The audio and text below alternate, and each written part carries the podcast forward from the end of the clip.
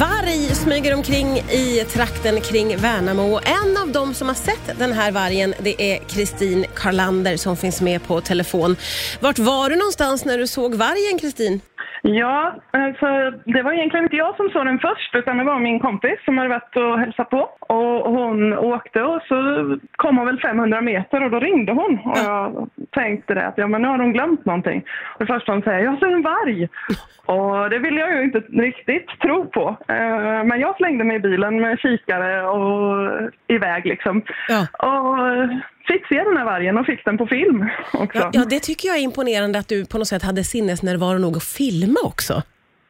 Ja, det var inte det första jag gjorde. Så jag hann ju se den en stund innan och så insåg jag att nej, men det här måste jag ju fånga. Ja, ja, ja, herregud. I en tid av sociala medier så måste man ju filma vargen. Men du, vad tänkte du när du såg den då?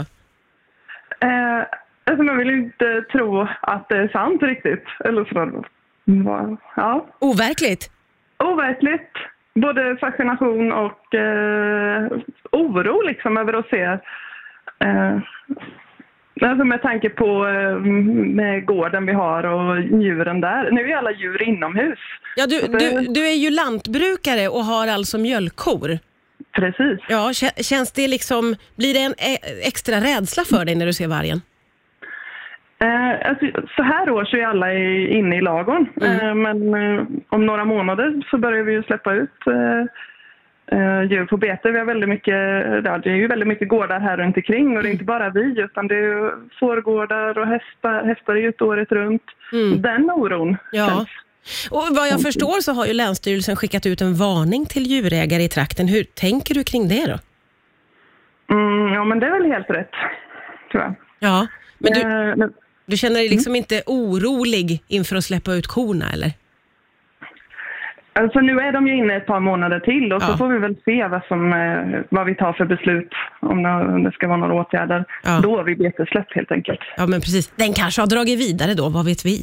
Ja, de rör sig ju väldigt, eh, på väldigt stora områden men jag fick till mig här under eftermiddagen att den har synts bara, ja vad kan det vara, en kilometer över skogen härifrån. Jaså? Även idag. Jaha, det är har så.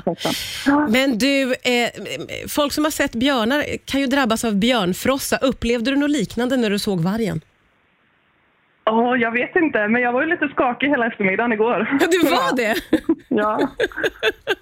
Ja, jättespeciellt. Du har i alla fall sett en varg. Det är ju lite unikt får man säga, Kristin.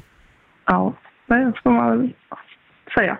Du, eh, du har varit så himla generös och gullig och låtit oss eh, få eh, ta del av filmen, så den kan man faktiskt se på Rix FMs eh, Insta-story här nu. Tack snälla Kristin Karlander för att du var med på Rix FM. Ja, men tack själv.